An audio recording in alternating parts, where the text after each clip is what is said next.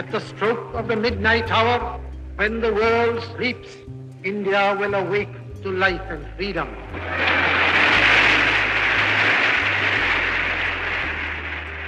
Jawaharlar Nehru, formaður indverska þjóðaráðsins, áarpar hér indverska þingið. Það er síðla kvölds þann 14. ágúst árið 1947. Bráðum þegar klukkan slær miðnætti og heimurinn sefur, segir Nehru, þá vaknar Indland til lífsins og til frelsisins. Eftir næri tvær aldir af breskum yfiráðum varð Indland formlega sjálfstætti ríki, þó enn undir bresku krúnunni, þann 15. ágúst 1947 og Neru sá sem hér talaði varð fórsætisráð þeirra. Miðnættur ræða Nerús í þinginu þegar langþráð sjálfstæði var loksins í auksín var á nefa ein af mikilvægustu og áhrifamestu ræðum sem þessi stjórnmálaskörungur helt á laungum ferli og hefur jáfnvel verið kölluð ein af áhrifamestu ræðum 20. aldar. Neru segist stoltur af sigurum indversku sjálfstæðisbaráttunar og horfir bjart sín fram á veginn en segist jáfnframt vissum að margar áskoranir býði þessa unga lands. Það reyndist sannarlega rétt. Miklir erfiðleikar voru í vændum fyrir það sem áður hafi verið breska Indland og fyrstu mánuðinir og misserinn eftir sjálfstæðið áttu eftir að reynast mörgum mjög erfiðir. Þessir erfiðleikar voru reyndar löngufarnir að láta á sér kræla þegar Neru mælti sín fleigu orð um vakningu Indlands til frelsis.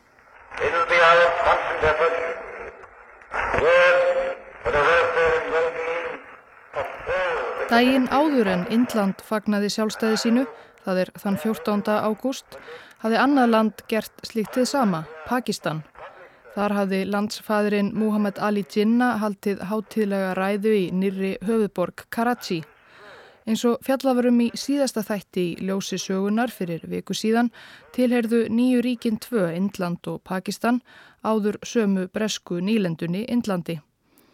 En þegar sjálfstæði hennar færðist nær, reyndist ómögulegt að sætta hindúska meirihlutan og íslamska minnihlutan og kannski ekki síst forsvarsmenn þessara tveggja hópa, Neru og Jinnah, menn sem eitt sinn höfðu verið samverkamenn í sjálfstæðisbaráttunni en síðan hafði kastast í kekkimilli þeirra og þeir rættust varla við.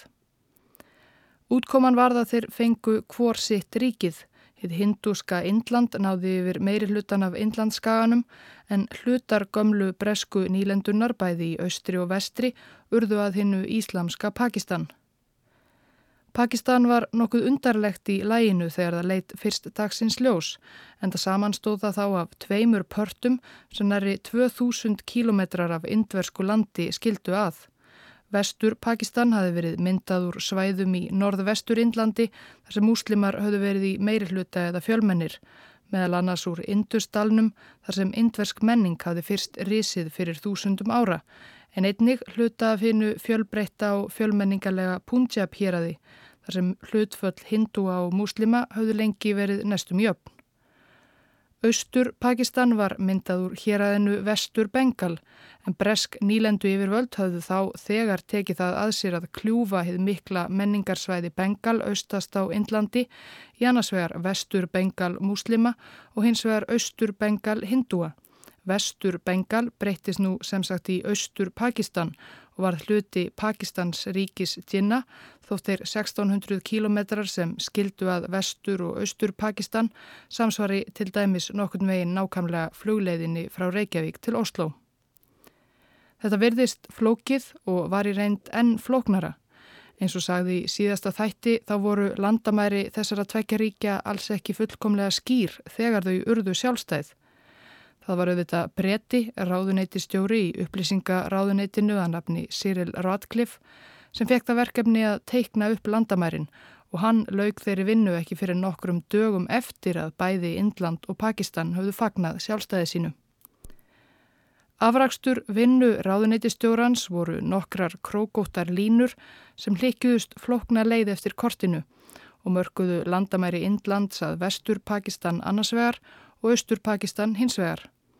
Þetta var alls ekki auðvelt verkefni sem hann hafi fengið útlutað og Radcliffe var alls engin sérfræðingur í landafræði Indlands nýja gerði hann í raun eina almenlega tilraun til að verða það og kynna sér aðstæður almenlega hvað þá í eigin personu. Hann satt bara á skrifstofunni í Lundunum, rindi í kort og grótaði á það línur. Stundum klufu línur ráðuneytistjórans bæi eða þorpi tvent svo að einn helmingur lendi í Indlandi en hinn í Pakistan. Einhver staðar fór línan meira segja í gegnum einstök hús. Hindúar og múslimar höfðu búið mestmægnis í sátt og samlindi öldum saman, hverjir einan um aðra í sömu bæjum, þorpum og sveitum. Það var alls ekki þannig að það væri hægt að draga nokkrar snirtilegar línur og skilja þannig þessa tvo hópa að í eitt skipti fyrir öll.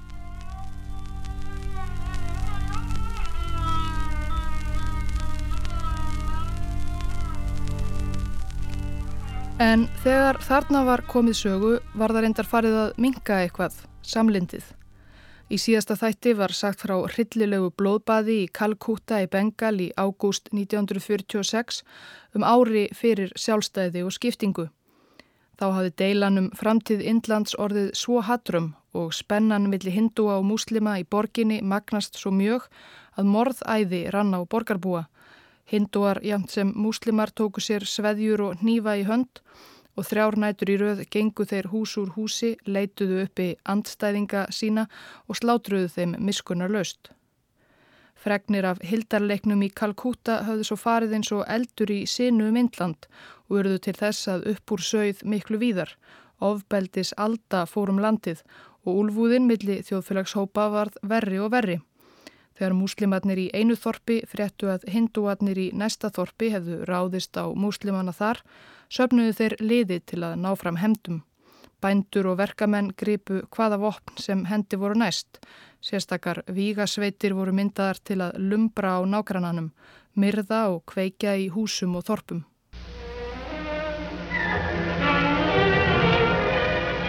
From India come more harrowing pictures of communal strife. Verst varð ástandið í tveimur héröðum í norðvestri og austri, Punjab og Bengal, þar sem engin einn hópur var í algjöru meiri hluta, hvorki múslimar nýja hindúar og ljóst varð að skipta þyrti héröðunum niðurumilli nýju ríkjana tvekja með einhverjum leiðum, einhverjum leiðum sem yrðu aldrei auðveldar. Í Punjab var líka annað sem ennflækti málinn. Þar voru það ekki bara hindúar og múslimar sem deldu, Í héræðinu bjó líka enneitn trúarhópurinn Síkar sem hafa búið á þessum slóðum um aldir og síkarnir kerðu sig skiljanlega lítið um að fornir ættagar þeirra með öllum sínum hofum og helgum stöðum erðu klopnir í tvent.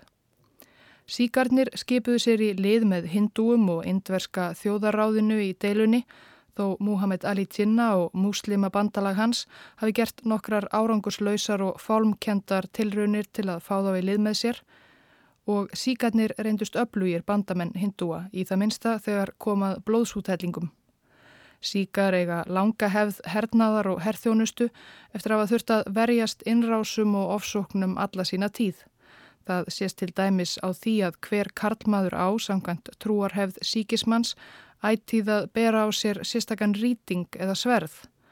Agaðir vígamenn síka gengu hvað allra harðast fram í ofbeldis æðinu við skiptingu ríkjana og þá komu rýtingarnir oftað góðum nótum.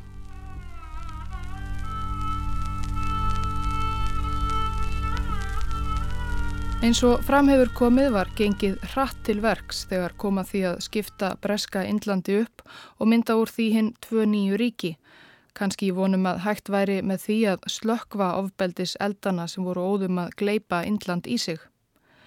Það verið smart hafa verið gert í bráðræði og ekki hugsað nógu vel út í það hvaða afleiðingar ákvarðanir teknar í flíti í Lundunum og Nýju Deli gætu haft á vettvangi.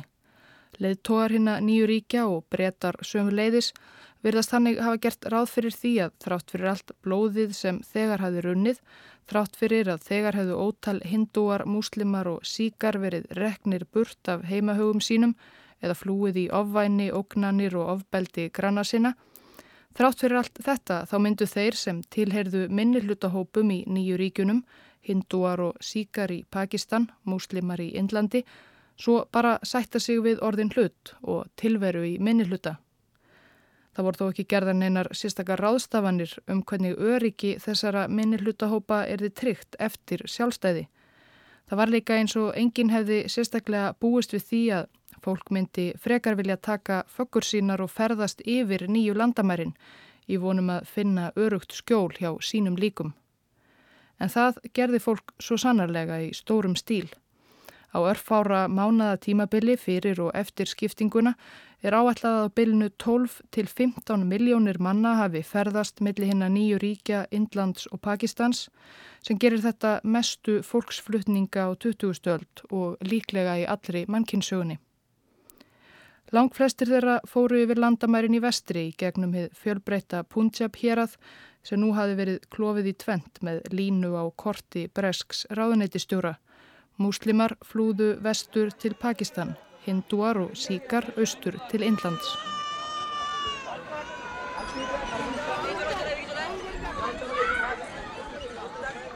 Þeir fóru í rútum, í bílum, á traktorum, hestum, reyðhjólum, um borði í lestum sem voru svo fullar að fólk sata á þökum lestarvagnana og hjekk utan á þeim helt sér í glukka og dýrakarma.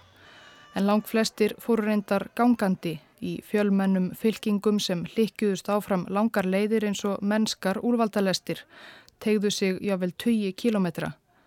Sagt er að fjölmennasta staka flótamanna fylkingin hafi talið næri 400.000 manns, hindúa á leið austur eftir úr vestanverðu Punjab. Lestin var svo laung að hún var vist í átta daga að komast í gegnum hvert þorp á leiðinni. Flótamennir voru flestir ítla búnir til langferða, höfðu yfirgefið heimili sín í flíti, aðeins tekið með sér dýrmætustu eigur sínar, þar sem hægt var að bera og litlar vistir. Það var rigningatímubil heitt og rakt og þúsundir komust aldrei á leiðarenda, heldur fórust á leiðinni úr þorsta eða hungri eða sjúkdómum sem grassiruðu meðal veikburða göngufólksins. Flótafólkið var líka auðveld bráð vígasveita eða blóðþyrstra múga sem fylgdu á hæla þeirra eða sátu fyrir þeim á leiðinni. Einn síki sem gekk frá Pakistan til Indlands myndist þess síðar hafa farið í gegnum muslimaþorp þar sem þorpsbúar hafðu komið sér upp fallbissu til að geta skotið á flótamenn sem fóru framhjá. Slóð líka markaði því fjölförnustu gunguleðinar millir ríkjana tvekja en allar leiðir voru jafn hættusamar. Þeir sem náðu að tróða sér um borði í lestir gáttu ótt vona á því að ef lestin stöðvaðist einhver staðar klifruðu þá morðsveitir um borð og stráfældu farþegana.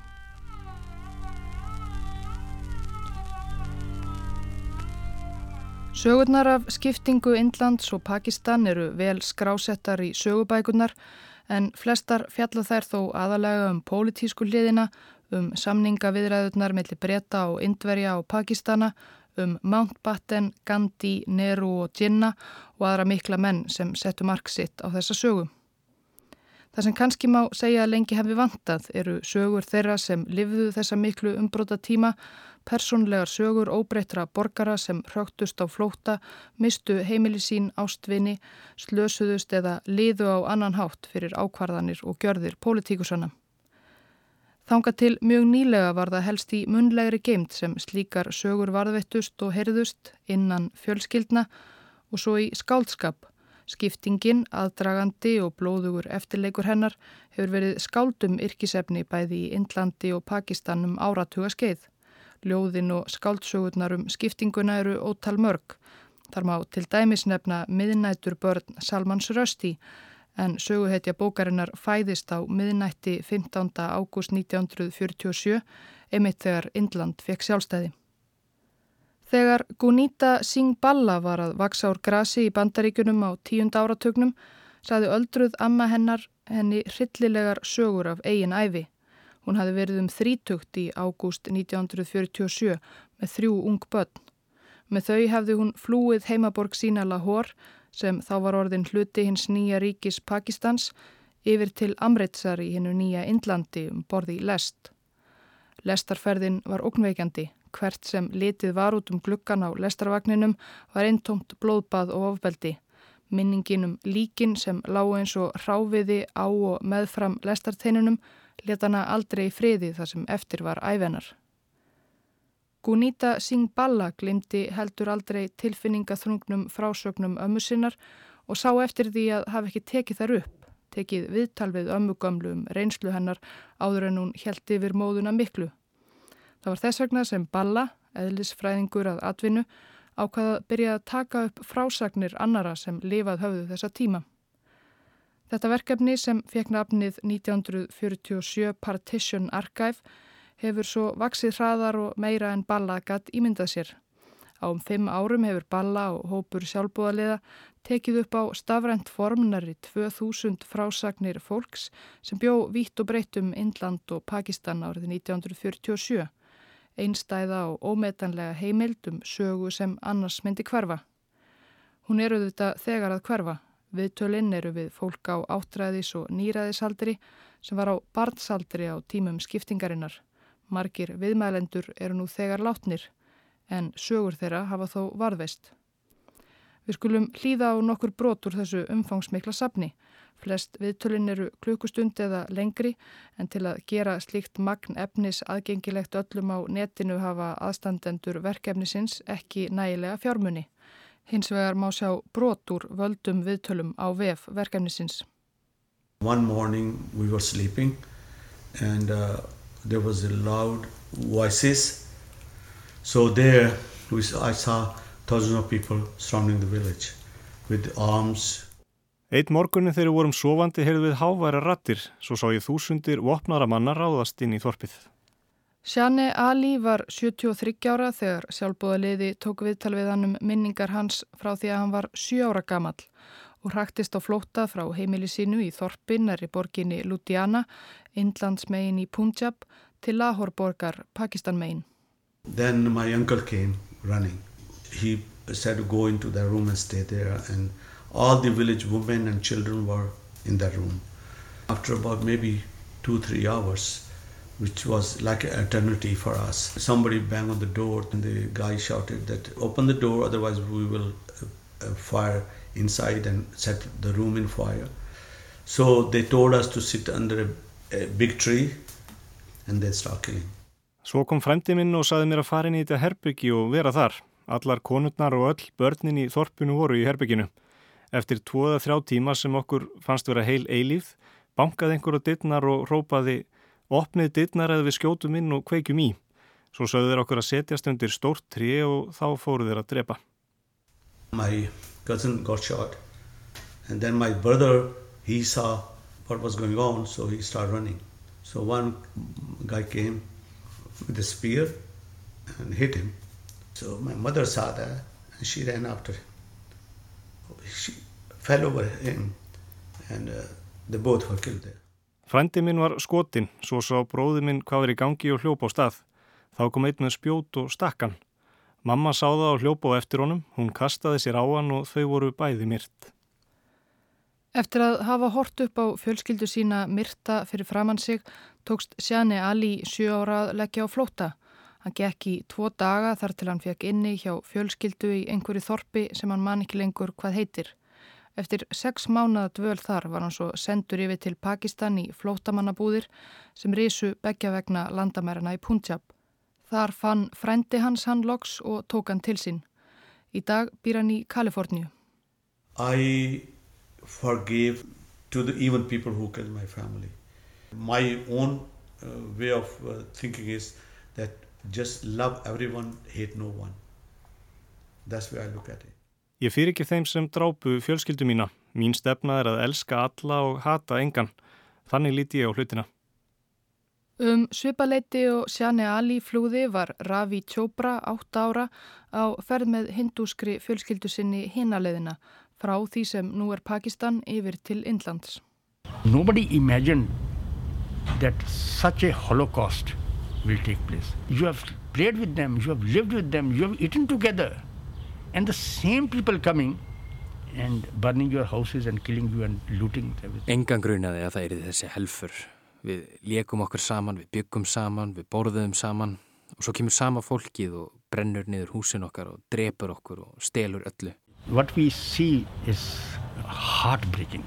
The houses are on fire, people are running, killing each other. Even on the railway track, you see dead bodies. hands cut, legs cut. Það sem við sáum var átakanlegt. Hús, alelda, fólk á hlaupum, drepandi hvert annað. Jafnvel á járbröytarteinunum voru lík, hendurnar skortnar og fæturnar skortna. Ravi sjálfur var skotin í fótinn þegar einhver hleyfti af bissu í þögu flótafólks sem reyndi að komast um borð í lest. Amma hans reif bút úr kublinum sínum, sóttreinsaði sárið með eigin þvægi og batum. Mitt í þessari ringulreið var það fjölskyldunni til haps að þau rákust á vinnveittan múslima. Svo vildi til að hann var af einhverjum ástæðum á leið með alla fjölskyldu sína með lestinni til Indlands. Voru ekki margir múslimar á þeirri leið á þessum ólgu tímum. En hann félst á að taka fjölskyldu Ravís með.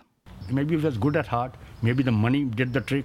Whatever it is, he accepted. We got a place in his compartment, the whole, whole lot of us. The whole train was fully packed and, and uh, every station there was uh, killing. Kanski var hann góðhjartaður, kannski var þetta spurningum peninga. Hvað sem það var þá samþýttan þetta. Við fengum plási í klefanum hans við öll, lestin var tróðfull og hverju stöð var fólk drepið. Even people would come to our compartment also. Okay, is, is there anybody, is there, is that, that Muslim gentleman, he had his all credentials with him. He said, it's my family traveling, so please let me go. There's nobody else because we would hide ourselves under the seat in the bathroom and then only his Muslim family would be visible. Menn rautust líka inn í okkar klefa að leita, rópuðu, er einhver þarna, er einhverju þarna. En íslamski herramæðurinn hafði alla sína pappira með sér. Hann saði, þetta er bara ég og fjölskylda mín á ferðalagi. Leðið mér að fara, hér er engin annar. Því við földum okkur undir sætunum. And then when we saw the other compartments, there was nobody survived the whole train. Og svo þegar við sáum inn í hínaklefana, þá hefði enginn komist lífsaf, enginn í allri lestinni. So partition was a curse on the human history. Such kind of hatred should never come in life, anybody's life. I hope my future generation or your generation or your future generation don't see the kind of history that we have gone through. Skiptingin var bölfun á mannkynnsögunni. Engin ætti að þurfa að upplifa svona hattur. Ég vona að komandi kynnslöður þurfa ekki að þóla neitt í líkingu við það sem við höfum gengið í gegnum. Sögur þeirra Sjani Ali og Ravi Chopra hefðu líklega tapast ef ekki væri fyrir þetta góða framtak sjálfbúðaliðana í skiptingarsafninu. Sögur sem eru bara tvær af næri 2000 vitnisspurðum sem þeir hafa sapnað og aðeins örlítið brot af reynslu þeirra 14 eða 15 miljóna flótamanna sem hraktust um Indland og Pakistan haustið 1947. Áhuga sömum er bent á að fleiri sögur má sjá og heyra á vefsapsins 1947partitionarchive.org og þar má einnig styrkja þetta merkilega starf.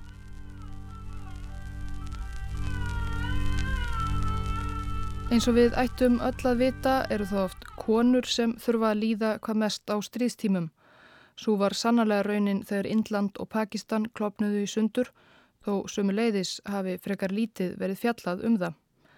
Það er ekki fyrir en tiltölulega nýlega sem fræðimenn hafa byrjað að beina sjónum sínum sérstaklega hlutskipti kvenna í ólgunni sem fyldi klopningnum og þá hefur margt hryllilegt komið í ljós. Tugþúsundum kvenna í báðum ríkjum var nöðgað, þar voru pintaðar, þeim rent og neftar í þrælahald.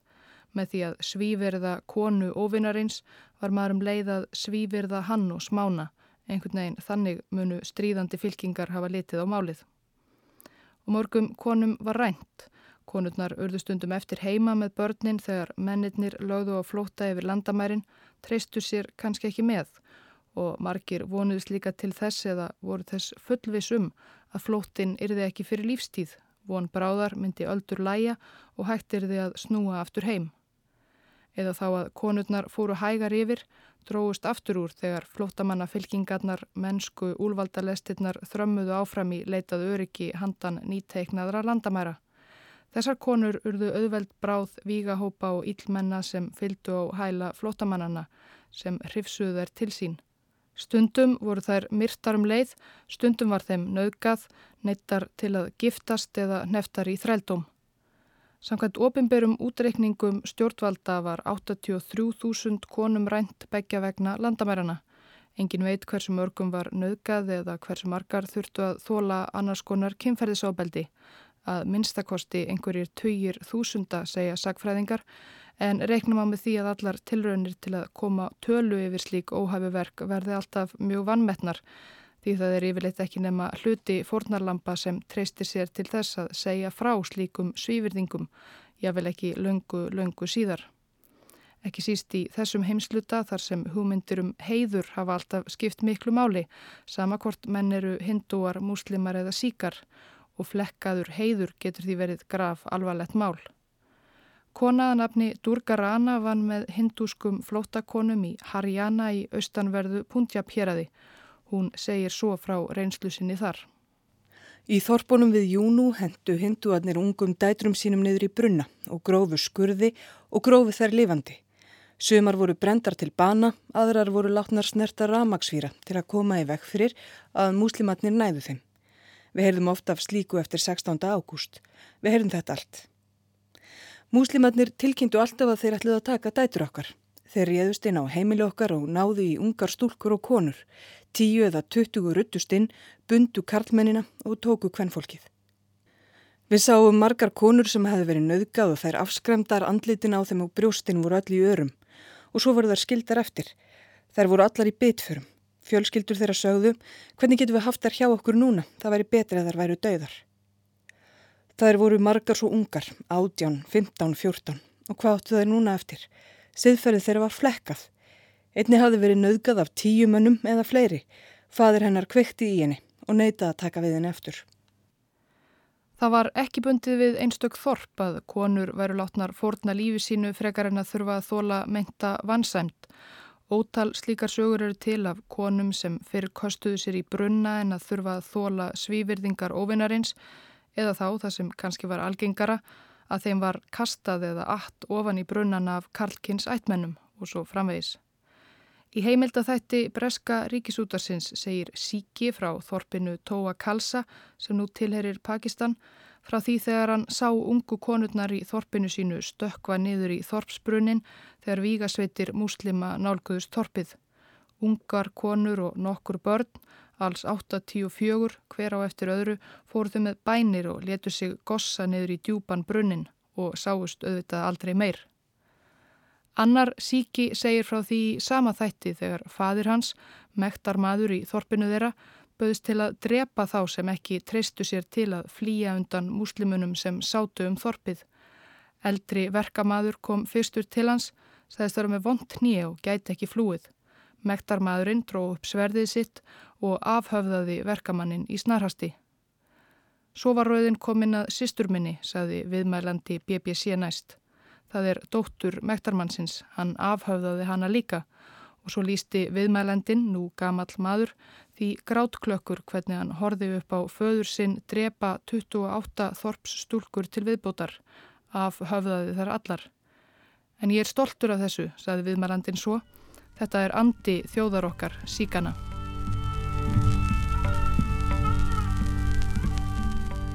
Jafnvel sjálfur Gandhi kvatti hindúa konur til að velja frekar dauðan en vannsæmt af hendi múslima.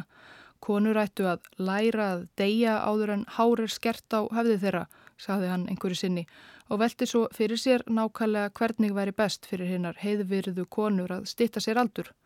Kanski getur þær kæft sig eða bitið sig í tungurnar til dauða. Þegar einhver létt sjálfstæðishetjuna vita að kannski væri þetta ekki bestu leiðirnar til aldurstýttingar, komst hann á endanum á þá skoðuna best væri að þær tækju eitur þegar óvinnurinn nálgæðist.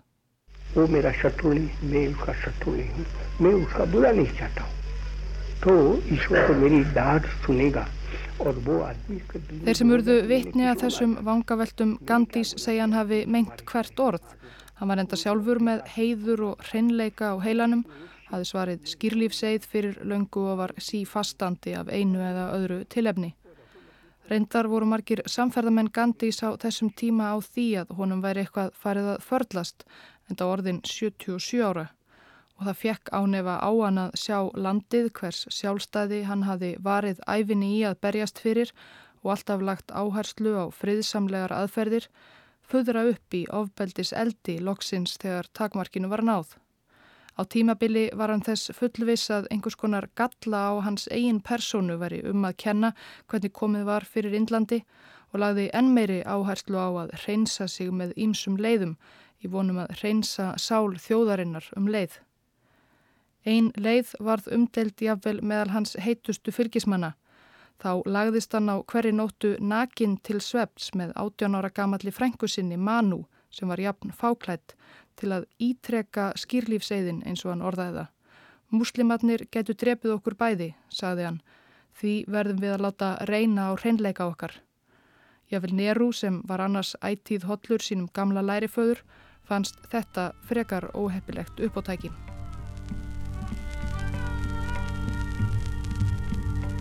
Engin veit nákvæmlega hversu mörg fórnarlömp skiptingarinnar voru Flestir fræðimenn hafa áætlað að allt á beilinu nokkur hundur þúsund manns upp í eina miljón hafi farist af hennar völdum, fallið í átökum eða árásum, veslast upp úr hungri eða sjúkdómum á laungum flóta eða einfallega horfið einhver staðar í allri ringulreiðinni og aldrei sérst meir.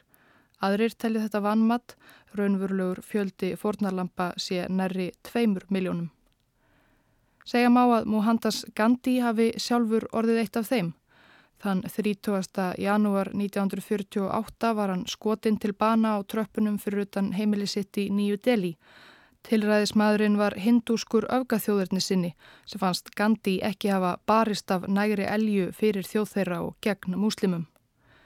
Þegar breski embætismadurinn Cyril Radcliffe sem hafi fengið það frekar óöfundsverða verkefni að teikna landamæri Indlands og Pakistans sá flótamannaströymin og blóðbaðið sem varð afrakstur vinnu hans þá afsalaði hann sér 40.000 rúbíunum sem hann átti að fá í laun fyrir viðvikið, þó það. Hann var samt slegin til rittara og gerður að baróni. Ágætti hlustandi hér í þessum tveimur þáttum hefur einungis verið stiklað á stóru í sögu tvíburaríkjana Indlands og Pakistans og erfiðrar fæðingu þeirra. Það tók auðvitað marga mánuði og ár að koma hennum mikla fjölda flóttafólks begja megin landamærarna alminlega fyrir. Margar konur sem urðu fyrir barðinu á kynferðisofbeldi þorðu aldrei að snúa aftur til fjölskyldu sinna af skömm og döguðu upp í flótamannabúðum í klaustrum eða í kvenna atkvörfum. Eftir stærstu bylgu flótafólksins, mánuðina eftir sjálfstæði, helt fólk svo áfram að rjáttla yfir landamærin frá Indlandi til Pakistan og frá Pakistan til Indlands næstu árin. Sambúðina tveggja hluta Pakistans, vestur hlutans þar sem Urdu var aðal tungumálið og austur hlutans 1600 km í austur þar sem bengolsku mælandi múslimar voru í meiri hluta, gekk aldrei sérlega vel. Árið 1971 klauf enda austurhlutin sig frá Pakistan og að loknu blóðugu stríði sem leiti líka til gífurlegs flótamannavanda var til ríkið Bangladesh en það er önnur saga. Stríð braust út milli Indlands og Pakistans strax örfáum vikum eftir sjálfstæði þeirra vegna fyrsta dæmisins Kasmír í norðri. Nokkur sérstök fyrstadæmi, stór og smá, hafðu tilheyrt Breska Indlandi og var þeim í sjálfsvald sett hvort þau vildu tilheyra Indlandi eða Pakistan. Yfirleitt gekk það friðsamlega fyrir sig, nema í Kasmír þar sem meiri hluti íbúa voru múslimar. En þegar fyrstinn gerði sig líklegan til að velja Indland fram yfir Pakistan, gerðu frændur Kasmír búa í hinnu nýja Pakistan innrás. Deilanum Kasmír er enn óleist í dag næri sjö áratugum síðar. Indland og Pakistan hafa alls þrísvar háð formleg stríð sín á milli og samskipti þeirra þess fyrir utan markast af stöðugri spennu, spennu sem er sérstaklega mikil því bæði ríkin hafa jú komið sér upp kjarnorkuvopnum.